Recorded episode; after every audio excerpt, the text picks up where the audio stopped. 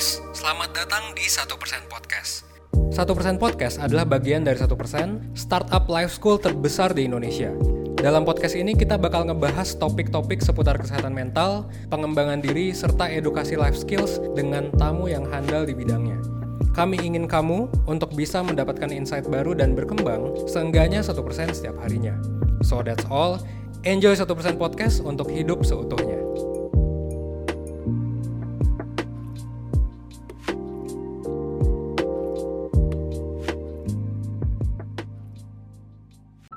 Hai guys, balik lagi sama gue Rizky dari satu persen. Malam ini di eh nggak terlalu malam juga sih tergantung juga saya dengernya kawan. Di episode podcast kali ini gue kedatangan tamu spesial yaitu Alamanda Shantika. Halo Alamanda. Halo Mas Rizky. Jadi buat kalian yang berkecimpung di dunia tech startup ya pasti nama Alamanda tuh udah, udah cukup familiar. Dia adalah founder dari Binar Academy. Experience-nya sebelum di Binar tuh udah banyak banget. Dia sempat gue ingat banget dia sempat terkenal waktu itu gara-gara dia ngeredesain aplikasi Gojek. Iya nggak sih, Nda? Itu lo bukan yang waktu itu masuk berita tuh karena lo ngeredesain aplikasi Gojek? Gua yang di redesign kali mas. Itu kan oh, gitu. aplikasi Gojek gue yang bikin waktu itu. Dan desainnya masih kacret banget ya waktu awal soalnya kita nggak punya desainer jadi harus gua yang ngedesain sendiri. Ya itu masa-masa inilah guys. Masa-masa startup baru berdiri. Kalian kalau pernah lihat website satu persen setahun yang lalu juga warnanya cuma dua warna eh tiga hitam kuning putih nggak ada yang lain Oke, okay, hari ini kita bakal bahas topik yang menurut gue cukup menarik, yaitu kita mau bahas mengenai generalis atau spesialis. Jadi gini ceritanya, uh, sebagian dari kita itu tuh kadang-kadang mikir bahwa gue tuh harus tahu gue tuh bakatnya di mana dan gue akan jalanin itu karena itu bakal jadi tujuan hidup gue, bakal jadi platform buat karir gue. Padahal di sisi lain ada juga sebetulnya view yang lain, di mana lo tuh nggak harus serta merta cuma nguasain satu hal, bisa jadi lo nguasain banyak hal sekaligus gitu. Nah, which is ini adalah view yang cukup common mengenai spesialis dan generalis.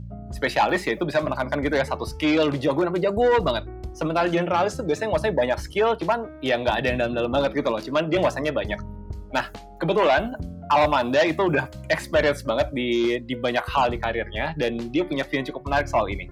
Nah, waktu dan tempat gue persilahkan Alamanda buat menyampaikan pandangan awalnya mengenai spesialis dan generalis.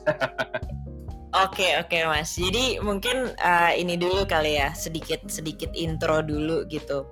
Gue tuh kuliahnya tuh uh, engineering, IT, IT, matematik sama sempet ngambil desain juga gitu. Jadi tiga jurusan gitu kan.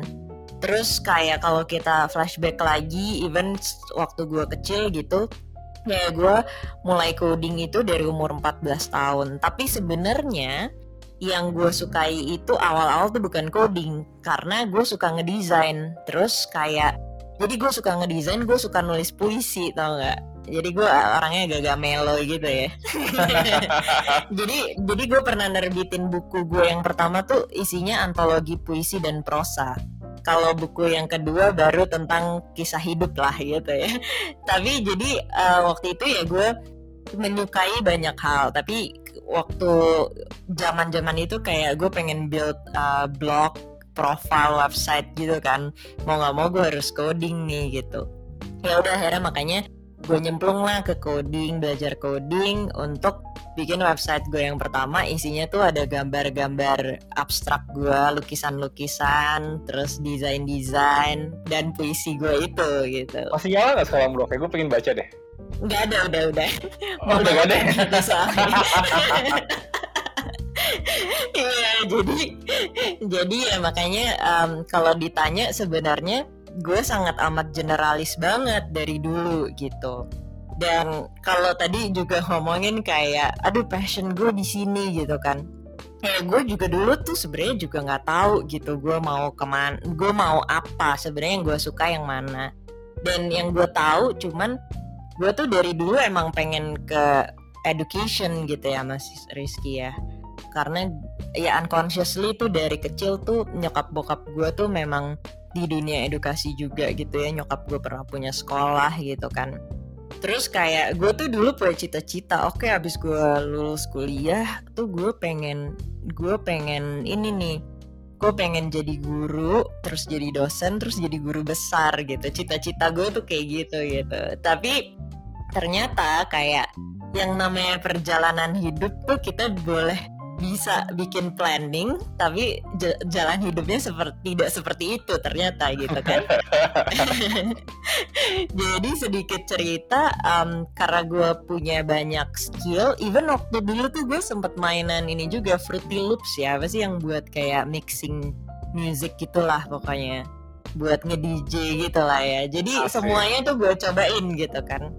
Tapi terus akhirnya ya waktu itu di depan mata gue yang ada opportunity-nya adalah gue uh, menggunakan skill gue programming dan desain gitu dua-duanya. Karena gue umur 21 tahun gue uh, build company gue sendiri.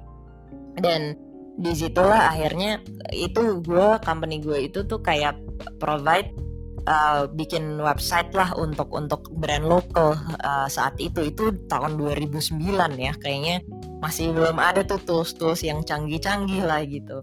Local brand fashion Indonesia lah gitu. Nah jadi di situ akhirnya gue menggunakan dua skill gue itu jadi gue nggak bisa dibilang juga sebagai specialist gitu. Karena mau nggak mau gue harus menggunakan itu karena waktu itu gue belum punya tim sama sekali. Jadi mulai dari situ lah akhirnya gue build tim gitu kan. Ada desainernya ada programmernya software engineernya gitu tapi terus uh, abis gue bikin perusahaan itu kan gue pindah nih. Bukan pindah ya kayak gue memutuskan untuk kerja sama orang. Karena waktu itu gue masih umur 21 tahun kayak wah gila gue masih muda banget. Kayak gue butuh belajar nih sama orang lain. Akhirnya gue apply lah se ke sebuah company. Nah yang company ini tuh uh, bos gue tuh baru pulang dari Silicon Valley jadi gue kayak dapat berbagai macam pembelajaran baru lah dari luar gitu dan waktu itu gue apply sebagai iOS engineer gitu nah tapi terus pindah lagi gitu kan gue ngerasa bosen tuh waktu itu kayak ah gila kayaknya engineering is not my passion gitu kan Bentar, biasa. Ini, ini tahun-tahun berapa? Lo jadi iOS engineer? Um, 2011 kayaknya deh. 2000 eh 2010. Oh itu belum Swift ya? Masih masih objektif sih ya? Masih ya, betul objektif sih. 2000 hardcore juga codingan lo. lumayan hardcore sih ya. Terus kayak tapi gue bisa bilang itu kan walaupun gue kayak lumayan hardcore gitu codingnya tapi kayak gue bisa bilang kayak ah gue bosen gitu. Terus gue pindah lah ke desain. Pokoknya karir gue tuh pindah-pindah terus gitu. Dan sampai di satu titik kayak waktu di Barry Benka gitu kayak uh, gue apply jadi UI UX designer tapi terus begitu tech leadnya cabut gue disuruh ngelit tim tech juga gitu. Nah sampai ya akhirnya meng, apa ya mengerucutkan gue itu ke produk lah gitu. Waktu gue di Gojek. Tadi kan kita sempat nyebut ya desain awal-awal Gojek itu karena gue nggak punya orang sama sekali. Tuh orang tim gue tuh cuman berempat cuman dikasih Nadine tuh empat orang doang tuh yang ngerjain app Gojek. Ada tujuh aplikasi waktu itu awal kita bikin ya termasuk driver app consumer appnya iOS Android dan lain-lain. Dan akhirnya ya mau nggak mau waktu itu uh, karena kita nggak punya desainer jadi ya udah gue juga ngedesain juga sambil gue nge-manage timnya juga gitu kan semuanya lah gitu. Jadi kalau dilihat dari perjalanan hidup gue gue sangat amat generalis sebenarnya. Tapi at one point gue akhirnya mendalami gitu ke ke produk gitu ke produk uh, ke human behaviornya gitu kan. Karena di saat kita menciptakan sebuah produk kan sebenarnya yang kita sasar itu adalah yang gue pelajari lebih dalam adalah humannya gitu kan bagaimana manusia itu berinteraksi dengan produk gue gitu. Hmm. Nah akhirnya gue mendalami lah ya ke situ. Jadi I would say kayak gue jadi spesialis itu setelah panjang perjalanan gue uh, melewati generalis gitu kan. Tapi uh, yang gue yang gue rasakan ya gitu, yang gue rasakan memang ada pros and cons ya of course. Um, waktu jadi generalis itu gue bisa melihat dari berbagai banyak sisi gitu. Kayak misalnya pas gue mau ngedesain karena gue tahu best practice-nya orang coding itu kayak gimana dan yang sangat amat maksudnya mem, gimana caranya membuat desain yang bagus yang UX-nya oke okay, tapi juga mengikuti tapi engineer lu gak marah-marah gitu? Iya betul, effortnya tuh gak banyak gitu. Kasarnya gitu aja gampangnya. Engineer gue gak marah-marah gitu kan tapi tetap oke okay, gitu. Nah jadi gue bisa bisa bisa memikirkan ke situ gitu kan. Dan waktu jadi engineer juga gue juga bisa bilang gue bisa kasih pengertian juga ke desainer gue. Eh ini loh best practice-nya kita yang paling mudah untuk kita seperti ini yang juga bagus untuk customer seperti apa gitu kan. Jadi eh, punya punya apa ya broad mindset gitu tuh enak. Karena kita jadi bisa merasakan tempat orang lain gitu. Kadang kan apalagi ya kalau misalnya di di di tim engineering gitu ya uh, di programmer gitu kadang-kadang kayak nggak nggak nggak ngerti ini dari bisnis side-nya ini seperti apa gitu. Sedangkan kayak kalau kita look up to Google ya mereka itu meng-hire orang-orang walaupun coder-coder yang di hire sama mereka itu harus punya bisnis expertise juga gitu kan. Yang mana at least kayak jadi kita bisa ngelihat dari sisi helikopter view dan ini bukan cuman untuk company doang ya mas ya yang gue pelajari ya kalau misalnya kita punya bisnis expertise seperti itu, kita bisa merasakan dari berbagai tempat, kita tuh jadi lebih tahu purpose kita dalam mengerjakan suatu hal. Dan di saat kita tahu purpose kita, objektif kita, apa sih maksudnya ada hal kecil yang kita kerjakan tapi ternyata berimpact besar buat orang lain gitu kan. Itu jadi kerjanya tuh juga lebih semangat gitu. Nah, kalau kita punya broad perspektif tentang itu tuh jadi lebih baik juga buat kita aja gitu dan kalau gue ngomongin sekarang ya masa-masa sekarang kayak gue sebagai employer um, gue sebagai CEO deh gitu ya sekarang di Binar dan waktu di Gojek Pak, boleh gue foto bentar?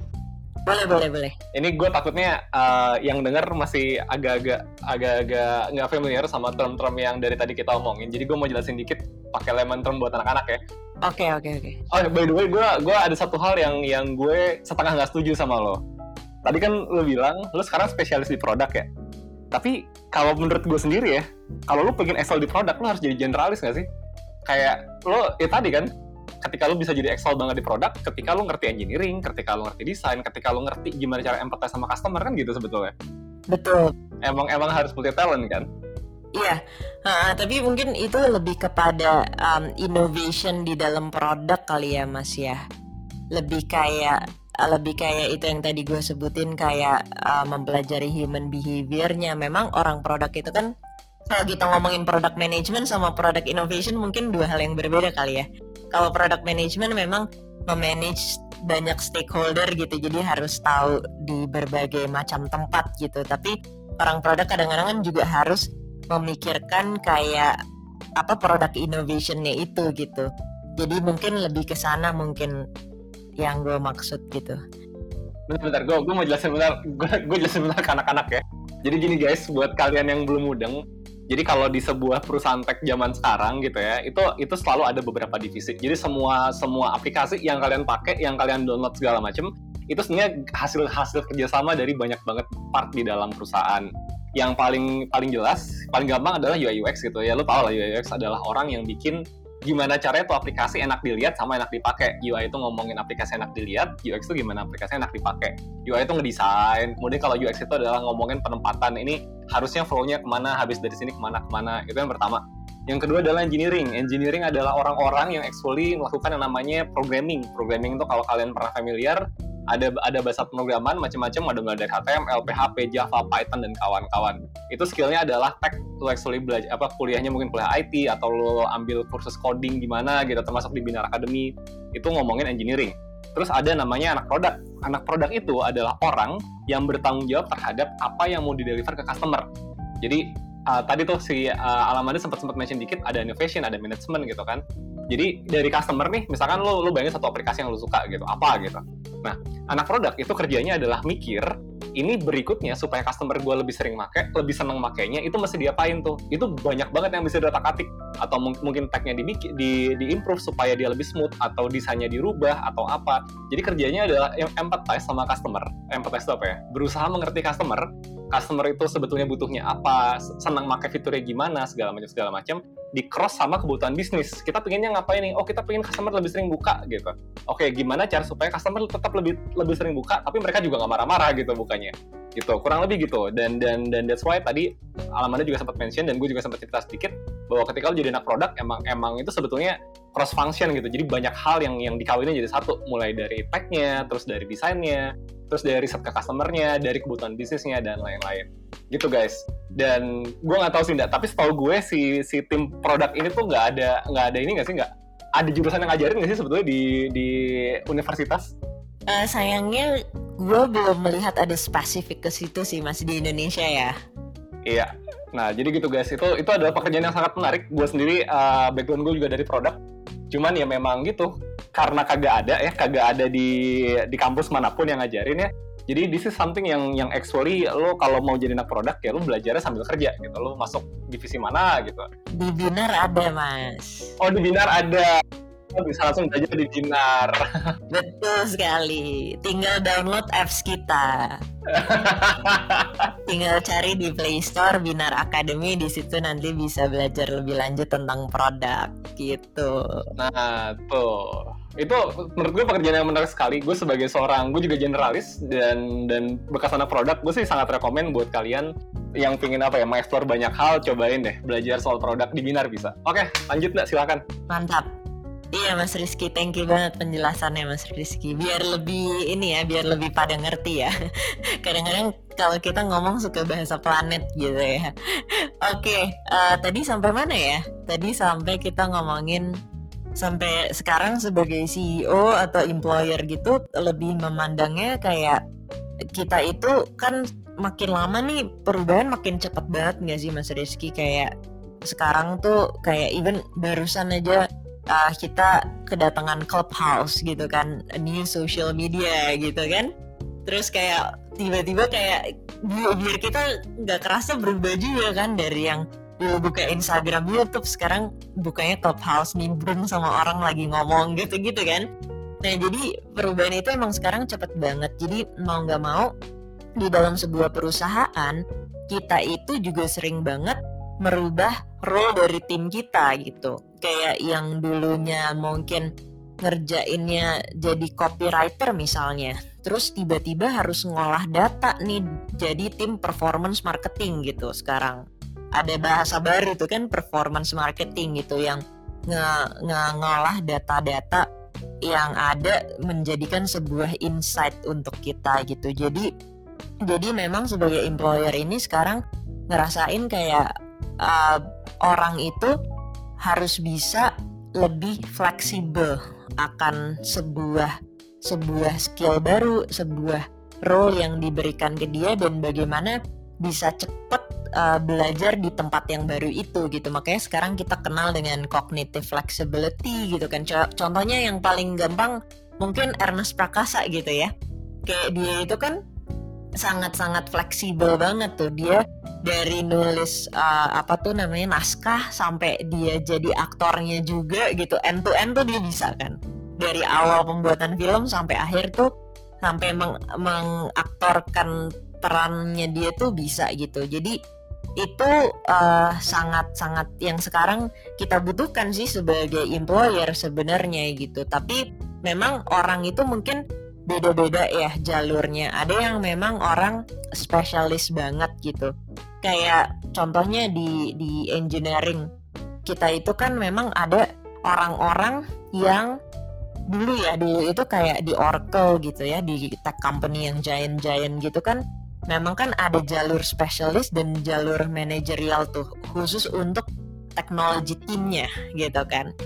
Nah jalur spesialis ini memang mungkin kayak banyak eh, software engineer itu yang gak bisa banyak memanage orang gitu ya. Tapi di zaman sekarang sebagai software engineer aja gitu ya sebagai programmer aja itu harus juga bisa berkomunikasi dengan baik ke orang lain gitu kan jadi yang namanya spesialis ini juga sekarang sudah harus mulai menjadi spesialis generalis gitu. Yang yang dari generalis juga mungkin sudah mulai harus bisa ada spesialisnya juga gitu. Jadi both ini dikombine dan itulah yang kita cari sekarang sih sebagai employer gitu tapi kalau kita ngomong ini ya ngomong giant tech kayak mungkin 10 tahun yang lalu gitu ya model-model kayak Oracle, IBM segala macem jalur spesialis kayak gitu itu kan ujung-ujungnya jadi prinsipal ya menurut gue itu ada perbedaan sih antara antara lu jadi prinsipal di di perusahaan yang kayak gitu sama prinsipal di tech company zaman sekarang gitu ya. Kalau zaman dulu ya beneran kayak Oracle gitu ya. Mereka tuh emang strongnya kan di tech doang ya. Bener-bener tuh bikinnya tech. Terus deliver produknya pun buat buat engineer lain gitu kan. So I think baik-baik aja bahwa emang engineer core-nya mereka itu emang engineer doang. Tapi kalau kita ngomong produk kebanyakan terutama di company di Indonesia ya kan jarang banget yang bener-bener jualannya tuh bener software doang. I mean ya lu kayak ngomong Gojek gitu kan, itu kan yang dijual tuh bukan cuma tech-nya kan, tapi keseluruhan servisnya. Yang which is itu berarti ya nggak cuma ada engineering gitu di situ, tapi ya ya ada produknya, ada mesti ngasih flow customer segala macam. So uh, akan susah buat orang yang bener-bener cuma tech cuma bisa tech doang terus habis itu nggak bisa komunik susah buat komunikasi sama tim lain susah buat apa namanya ngerti kebutuhan user buat kerja di perusahaan kayak gitu. Karena emang emang perusahaannya bukan cuma jual tech doang. Basically gue pernah pernah kerja di perusahaan yang bener-bener tech banget gitu. Itu beneran prinsipal di situ nggak nggak bisa ngomong sama orang nggak apa-apa. Karena emang fokus gue tuh cuma cuma ngomong doang gitu sama technya eh guys pokoknya gue pingin uh, performance yang ini gitu ya. Ini bisa naik sekian persen gitu. Udah gimana caranya bahasa itu bener bahasa tech doang kan. Kalau sekarang kita nggak bisa ngomong kayak gitu. Kita mesti ngomong, guys, gue pingin serving customer kita supaya frictionnya ngurang. Nah, ngurangin friction kan bukan cuma dari tech, tapi juga dari flow, dari mana-mana. Gitu sih. So I think ketika perusahaan lo ini multidimension ya, nggak cuma tech, tech doang gitu. Dan dan sekarang kan emang tech company di Indonesia kan cukup lagi populer ya. Wah anak-anak pengennya gue pengen masuk startup, pengen masuk mana gitu. So susah kalau misalkan lo cuma jadi spesialis doang gitu. Eh, tetap meski mau jadi spesialis, tetap lo harus nguasain paling nggak kulit-kulitnya lah dari beberapa hal lain. Jadi engineer pun tetap harus bisa ngerti desain gitu. Nah, apalagi kayak tadi tuh yang di Cinta Alamanda. Pas jadi desain, harus bisa ngerti engineering dikit. Karena kalau enggak, apa engineer tuh marah-marah gitu. Lo bilang, gue pengen screen gue kayak gini gitu. Wah, bisa hologram. Engineer lu marah-marah. Gimana cara ya anjir? bener, bener, bener. Dan ini juga gue gue selalu apa ya ngasih ini ke teman-teman di tech sih mas kayak kita sekarang tech itu kebanyakan kita menjadi enabler kan sebenarnya kayak contohnya Tokopedia gitu ya dia itu kan bukan dia itu kan yang diurusin sebenarnya kan UMKM Gojek yang diurusin sebenarnya kan tukang ojek gitu kan. Jadi kalau misalnya kita kayak dulu waktu gue di Gojek gitu ya gue banyak banget ngobrol sama tukang ojek walaupun orang tech ya. Gue benar-benar duduk seminggu sekali tuh pasti bisa temuin gue di pangkalan ojek gitu untuk ngobrol sama mereka gitu kan. Jadi memang kita tuh teknologi tuh kadang-kadang banyak juga yang mau membuat startup teknologi fokusnya banyak banget di teknologinya. Padahal ya teknologi startup itu tetap punya bisnis di tempat yang lain gitu kan. Kayak dan dan sebagai orang teknologi juga kita itu bisa menjadi value add untuk teman-teman di industri yang lain gitu. Kayak dulu waktu gue tuh sebenarnya masuk awal tuh bukan ke tech ya yang tadi gue ceritain perusahaan gue yang pertama gitu. Itu karena gue banyak main sama orang fashion. Gue uh, gue tuh dulu jadi miminnya di Kaskus ya kita punya community namanya denim hats.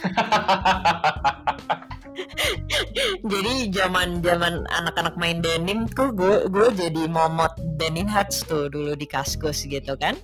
Nah dari mulai situ banyak teman-teman fashion yang banyak bikin brand akhirnya terus karena mereka tahu gue bisa coding gitu mereka minta tolong sama gue gitu kan. Jadi kan akhirnya kan kita sebagai orang teknologi menjadi value add gitu. Dan again ya itu kayak sebagai orang teknologi nggak bisa cuman main-main di teknologi doang. Karena sekarang kita tuh banyak menjadi enabler gitu buat tempat-tempat industri-industri lain gitu. Itu mirip kayak ini ya Tokopedia ya. Tokopedia kan awalnya kan buat fasilitasi rekening bersamanya Kaskus ya kalau nggak salah ya Iya.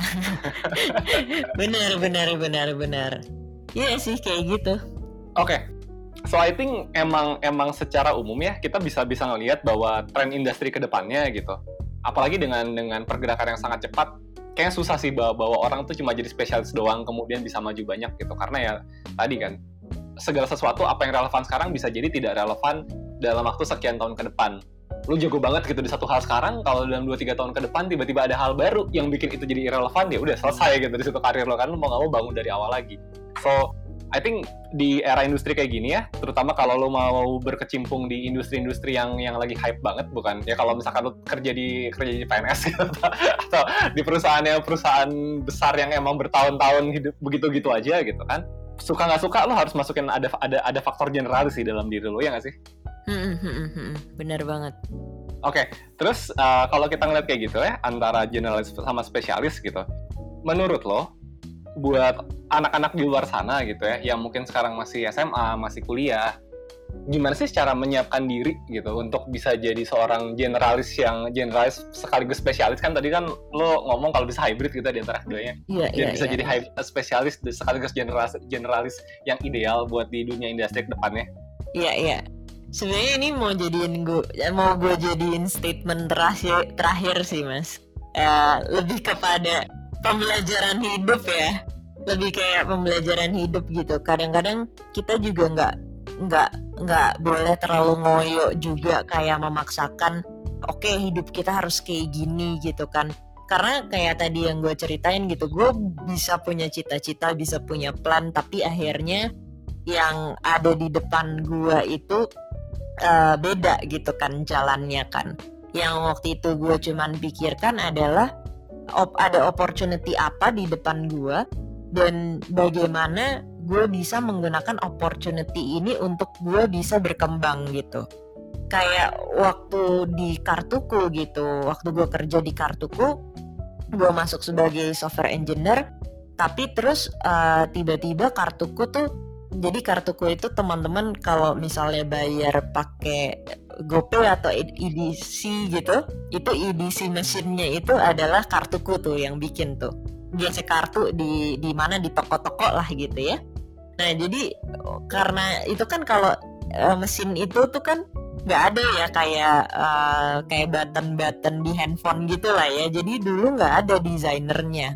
Nah terus tiba-tiba kayak kartuku mau bikin mobile POS namanya. Jadi buat kasir tapi pakai tablet gitu. Nah tiba-tiba kan butuh UI UX designer kan. Terus akhirnya gue meng? Gue ini apa bilang ke bos gue gitu kayak eh gue aja deh coba yang explore jadi UI UX designernya gitu. Yang ada di pikiran gue adalah bagaimana gue itu bisa selalu mendapatkan pembelajaran baru dari sesuatu gitu. Jadi gue punya hashtag nabung experience gitu. Jadi pikiran kita tuh bukan cuman berkutat pada kalau misalnya kerja di satu tempat nanti kayak oke okay, gue udah ada di field ini gue terus aja deh di sini. Tapi di saat kita bekerja di suatu tempat tuh banyak banget hal yang sebenarnya kita bisa pelajari.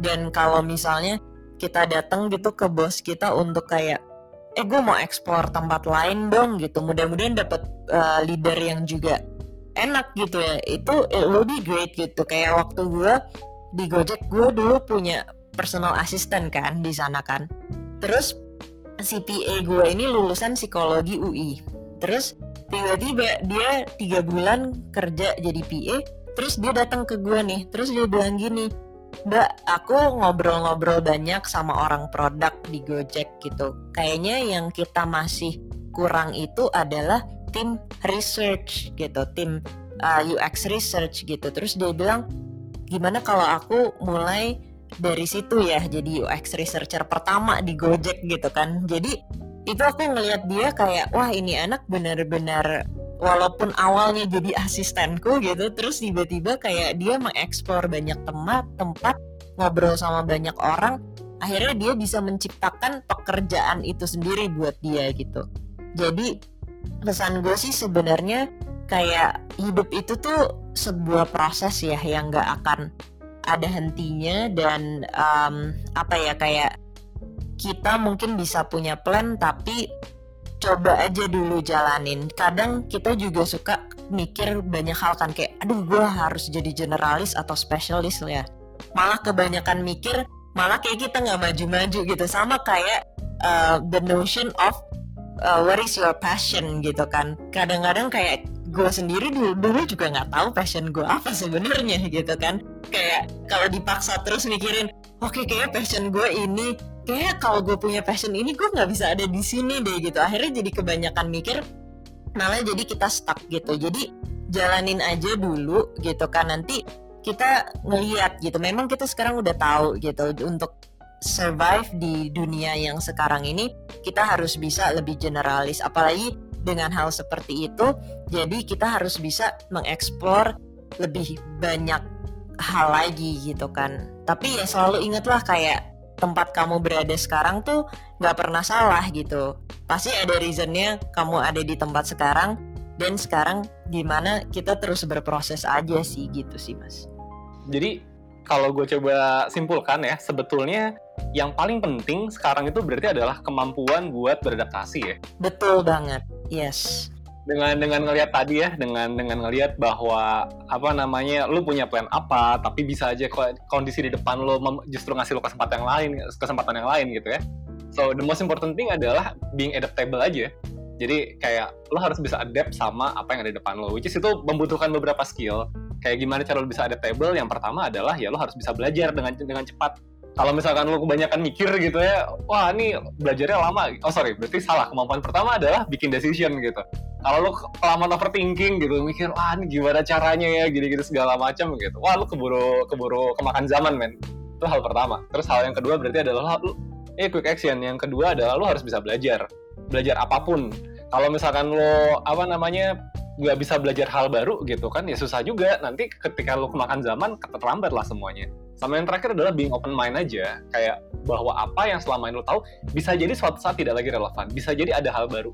Kalau tetap stick dengan apa yang selama ini lo tahu gitu kan, kemudian tapi lo lo bekerja dan lo hidup di sebuah uh, environment yang yang pace-nya cukup cepat ya udah lo bisa makan zaman. Tiga itu sih sebetulnya yang kayaknya perlu banget dikuasain sama temen-temen. Kalau pingin survive dan juga sukses di industri yang kayak sekarang yang serba cepat gitu. Iya benar banget. Kayak kan orang banyak yang bilang kita harus punya growth mindset gitu ya. Sebenarnya growth mindset yang paling mudah dengan cara yang Mas Rizky tadi sebutin yang nomor tiga gitu itu open mind kan. Kadang-kadang kita udah mikir kayak oh gue bisa nih di sini gitu tapi ternyata kita harus uh, unlearn ya kan? Baru kita relearn gitu. Betul. Oke okay, by the way barusan uh, Alamanda ngomong hal yang menarik banget mengenai unlearn. So basically uh, salah di, di, di ini ya di psikologi pembelajaran ya salah satu komponen paling penting dari pembelajaran di usia dewasa adalah kemampuan buat unlearn. Artinya lu lu menghapuskan apa yang sudah pernah lu pelajari. Nah kenapa? Karena ketika lu masih kecil gitu kemampuan unlearn tuh nggak ada sebetulnya. Otak lu tuh nggak bisa unlearn. Kalau udah belajar sesuatu pas masih kecil sampai lu remaja gitu kan susah buat melupakan itu. Tapi ketika lu, lu dewasa lu harus punya kemampuan itu. Kalau misalkan lu belum bisa unlearning sesuatu nah itu berarti perkembangan lo belum dewasa. Iya iya. So gitu sih, it's, it's important buat unlearn sih karena dengan lo dengan lo melupakan sesuatu yang sudah tidak lagi relevan dengan lo melepaskan bahwa ada hal yang tadinya udah lo, lo tabung lo pupuk di di dalam diri lo oh ini sudah tidak lagi relevan buat gue gue harus gue harus buka lembaran baru dalam hidup gue nah dari situ lo bisa berkembang dan tetap tetap relevan sama zaman gitu. Iya, kadang itu jadi trap kita ya, maksudnya jadi jebakan kita sih sebenarnya ya. Untuk uh, kayak ngerasa paling tahu akan segala macam hal gitu. Akhirnya itu tadi nggak nggak nggak bisa open mind gitu. Hmm. Oke, okay, udah udah cukup panjang juga. Mungkin sudah waktu ditutup podcastnya. Uh, dari Alamanda ada pesan-pesan terakhir buat teman-teman yang dengerin? Iya, tadi sih uh, mengamplify aja kayak benar-benar ini ini berhubungan sama buku gue yang kedua itu judulnya Purpose Living in the Process gitu buku gue yang kedua tuh mas. Jadi memang benar-benar kayak teman-teman tuh mungkin suka ngerasa gitu kayak aduh kok gue masih gini-gini aja gitu. Tapi selalu ingat bahwa hidup itu benar-benar emang sebuah proses lah yang gak akan ada hentinya dan uh, tempat kamu sekarang tuh nggak akan pernah salah gitu. Kayak kalau gue sering ditanyain kan sama sama jurnalis gitu. Kayak kalau gue bisa memutar balikan waktu gue ke umur gue 17 tahun gitu apa yang pengen gue tahu di sana gitu. Gue selalu jawab kayak nggak ada gue nggak pernah. Gue tidak pernah menyesal dengan apa yang sudah gue lewati karena semua yang gue lewati itu ada pembelajarannya selalu gitu kan. Dan kalau kita mikir kayak sekarang oh tempat gue salah nih kayaknya kok teman-teman gue udah begini gue belum begini gitu kan. Banyak banget kan teman-teman yang suka mikir kayak gitu kan. Ya selalu inget kayak nggak tempat kalian sekarang tuh nggak ada yang salah dan um, kalau lagi mikir kayak gitu tuh semua orang tuh pun juga sedang berproses dalam hidupnya. Gue pun juga masih sering kayak anxiety masih sering stres gitu kan. Jadi buat gue kayak di saat kita sudah kalau kita udah nggak punya rasa itu lagi tuh artinya justru kita udah berhenti hidup sih. Jadi ya ya jadi kayak ya terus uh, berproses lah dan jangan ngerasa kayak uh, kita salah gitu. Accept yourself gitu dan selalu bersyukur dan dan ya hidup kita itu justru adalah inspirasi terbesar buat kita sendiri sih sebenarnya gitu Oke, okay. gue suka banget sih judul buku lo tadi Living the Process. Itu judulnya ya, atau temanya? Judulnya Purpose, uh, subtitlenya Living in the Process. Ah. Gue suka banget sih Living in the Process. Itu kayak, ya em emang gitu kan, hidup itu proses gitu kan. Selama lu masih ada di dunia ini, masih bernafas gitu kan, belum berhenti gitu perjalanannya. Jadi ya lu mau setua apa pun, ya selalu ada selalu ada hal baru buat dipelajari I mean, ya sekarang kita nggak usah ngomong manusia deh, lu ngomong kayak Wikipedia aja itu kan tiap hari hmm. ada aja hmm. halaman nambah kan, karena selalu ada hal baru di dunia ini. Kayak ya udah, jangan jangan berhenti belajar gitu kan. Terus tadi yang yang lo ngomong kalau ditanya apa lagi yang yang lu pingin pelajari in case lu bisa balik ke usia usia sebelumnya gitu. Itu menarik sih sebetulnya. Jadi salah satu tanda bahwa ketika kita sudah bisa mencintai diri sepenuhnya, mencintai diri itu artinya ya nggak nggak artinya lo bisa menerima diri lo, lo bisa menerima hidup lo dan lo bisa actually uh, bahagia sama hidup lo sekarang. Adalah kalau ditanya apa sih yang lo sesali di masa lalu? Jawabannya adalah nggak ada. Karena seburuk apa pun pengalaman di masa lalu itu bawa lo ke hidup lo sekarang. Dan kalau lo bahagia sama hidup lo sekarang ya udah apa yang perlu disali gitu kan? Gitu sih. Betul banget mas Rizky. Gitu guys. Terima kasih banget buat Alamanda uh, menarik banget podcastnya maaf kalau teman-teman podcastnya agak panjang karena lumayan seru hari ini Ya udah, uh, sekian dulu dari gue. Gue Rizky dari satu persen. Saya Alamanda Shantika dari Binar Academy. Bye. Thank you Mas Rizky. Thank you Alamanda.